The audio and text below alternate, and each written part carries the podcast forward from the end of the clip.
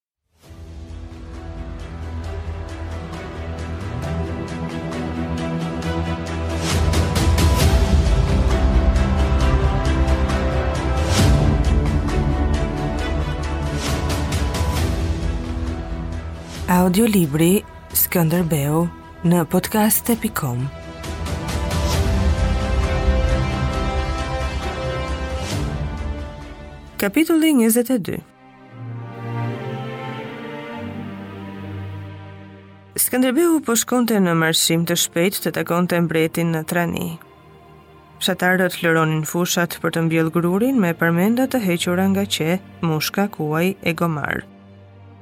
Kafshët ishin të mëdha dhe fushat ishin pa mbarim. Ashtu siç ishin pa mbarim ullishtet me drurë të shkurtër dhe vreshtat e ngritura në hunjë. S'kishte male, veç kodra të buta me gjelbërim. Zotërimi i atij hambari të madh të begatisë, domosdo do të nxiste luftrat. Banorët donin ta coptonin mbretërinë 300 vjeçare që shtrihej mbi gjysmën e gadishullit italik dhe ishullin e madh të Sicilisë. E kishin shtetin dhe donin ta prishnin, Skënderbeu do t'i ndëshkonte kudo që t'i gjente. Fshatarët i fshiheshin kalorësisë së huaj, po në qendrat e banimit, shumë njerëz dilnin anës rrugëve për të parë ushtrinë çudibërëse, që kishte thyer turkun e tmerrshëm në tokën e vet përtej detit dhe që po i vinte në ndihmë mbretit. Njerëzit dukeshin gazmorë si fëmijë, që nuk e vrisnin mendjen dhe e shfaqnin habinë sheshit. Më pas Skënderbeu do të shihte se në pafajësinë e tyre të jashtme, ata mund të ishin edhe vjedhës e vrasës, gjithashtu pa e menduar gjatë. Mbreti Ferdinand e quajti Skënderbeun babë dhe e përqafoi me lot në sy. Pastaj u qetësua, qeshi dhe Skënderbeu e pa më mirë. Mbreti ishte i ngjallur, me kokën si të dashit, me flokët e fortë të dendur e rrumbullake mbi supe, Njeri që pëlqente jetën e mirë, shakanë dhe intrigat. Nga mundimi, nën sytë e tij, ishin bërë rrathë mavi. Kryengritjet kishin qenë për të një telash i madh se duhej të shkonte poshtë e lart, duke mbartur me vete oborrin që donte njësoj si më parë, pijet freskuese dhe aromat e mira. Mbreti duhej të rreshte thirrjet e tyre duke thirrur ai vetë.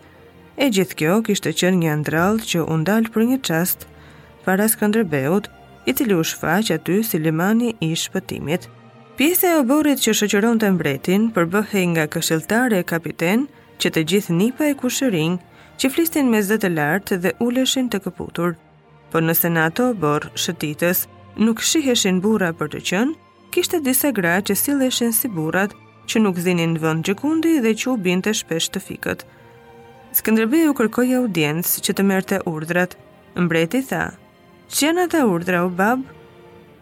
Skënderbeut i shtohej habia kur u detyrua të fliste para kushërinjve dhe tha se do të vepronte me shpejtësi për të thyer kryengritësit. Ambasadori i tij pranë mbretit do të ishte kryeprifti i ushtrisë Gjergj Pelini.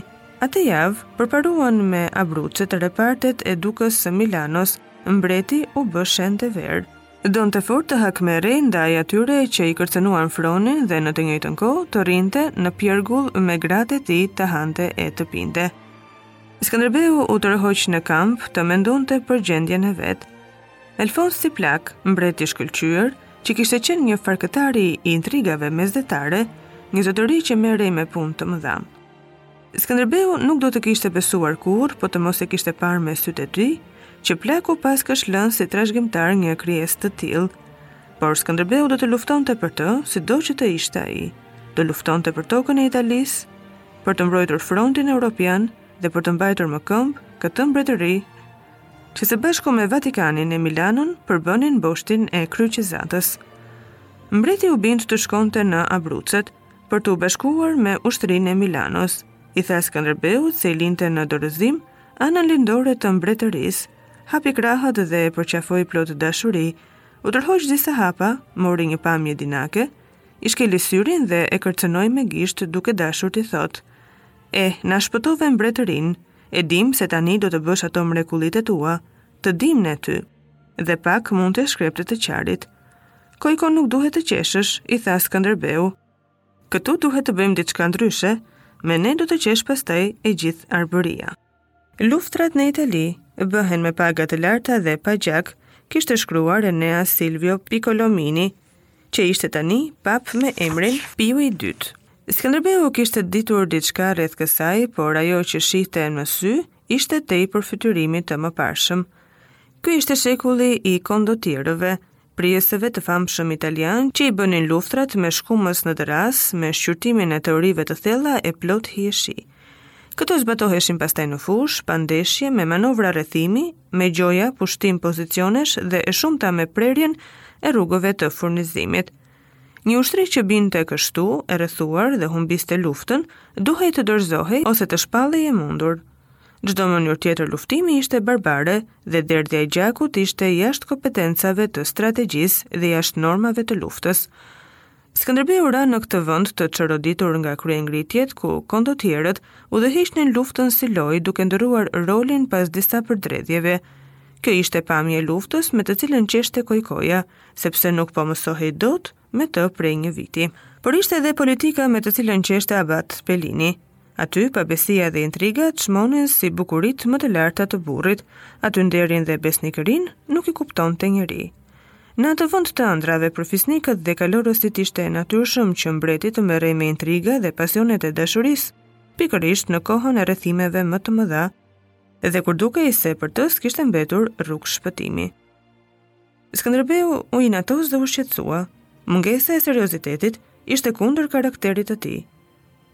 Atje nuk qëndronte asnjë nga parimet me të cilat ai ishte mësuar. Ai vend nuk ngjante as me Azinë, as me Ballkanin.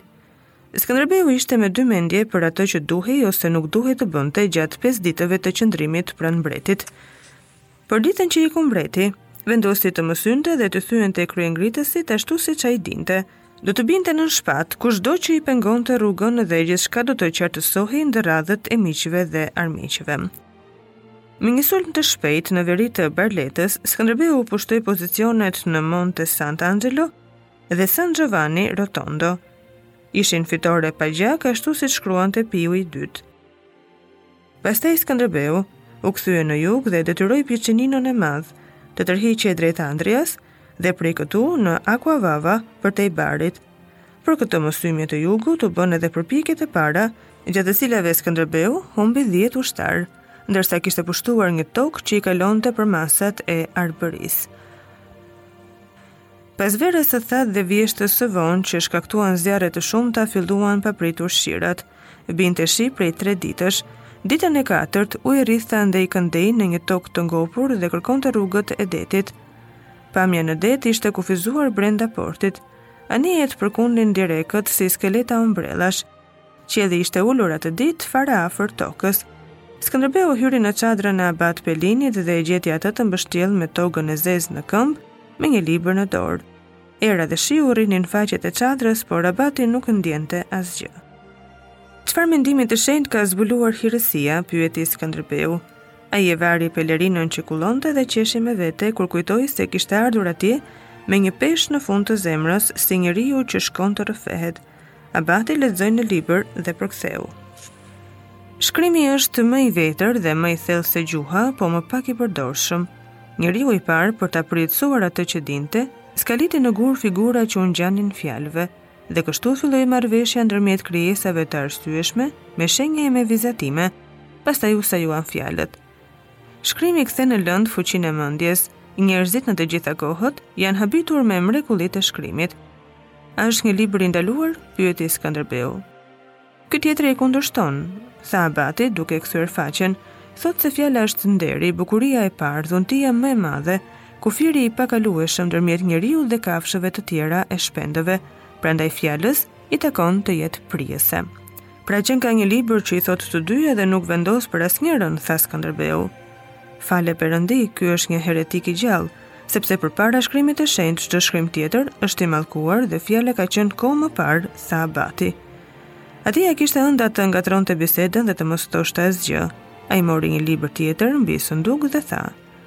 Ky mund të pëlqehej më fort nga madhëria juaj. Ç'thotë, pyeti Skënderbeu. Ky rreh të provojë se luftën e bën hekuri dhe jo ari, sikundër besojnë disa sundues mendjelehtë. Atë punën e hekurit e thotë me mend, po të matej forca nga sasia e arit, ne s'do të kishim fituar asnjë betejë. Abati e flaku librin mbi sënduk dhe buzëqeshi si një njeri që e kishin zënë tek po përkundej në djepin e huaj dhe u vu të shihte me sytë e skifterit Skënderbeun për të kuptuar shkakun e asaj vizite të papritur. E si do t'i vejë filli këtyre paudhësive, hirësi, pyeti Skënderbeu.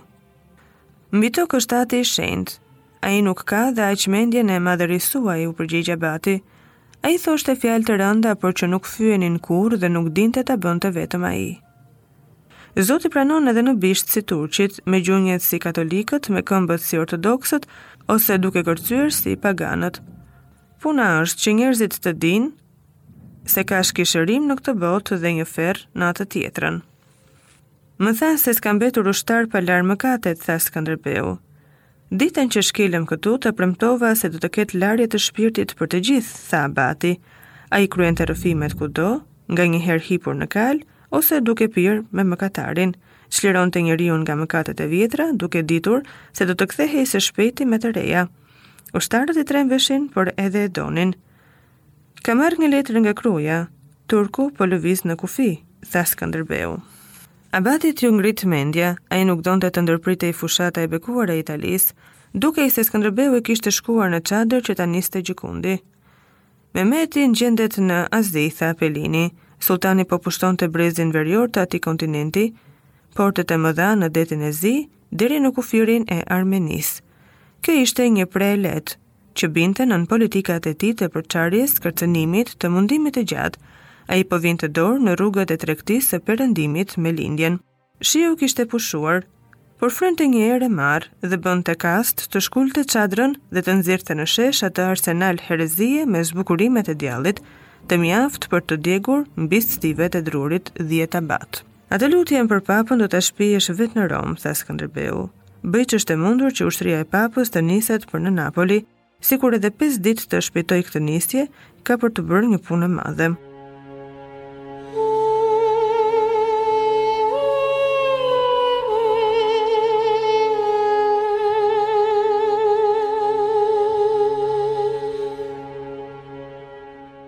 Audiolibri Skënderbeu në podcast.com.